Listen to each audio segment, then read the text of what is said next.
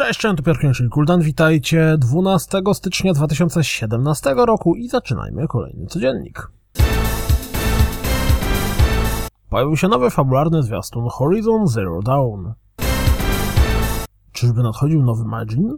Sprawdźcie nowy zwiastun Troll and I. Mapka Clock Tower do Gears of War 4 wygląda tak.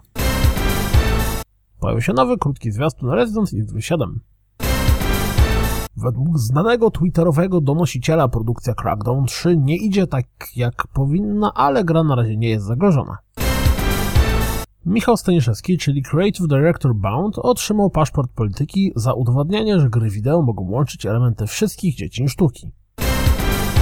Jeśli jesteście ciekawi co do powiedzenia o anulowaniu developingu Scalebound ma Platinum, spoiler, niewiele, to sprawdźcie notkę na ich blogu. Mimo, że recenzje Assassin's Creed nie zachwycają, to film nie może narzekać. W weekend otwarcia film zarobił około 150 milionów dolarów, co przy kosztach 125 milionów jest już całkiem małym sukcesem. Zwłaszcza przy 36 punktach na Metacriticu. Koniecznie sprawdźcie ogromny materiał o powstawaniu Final Fantasy VII.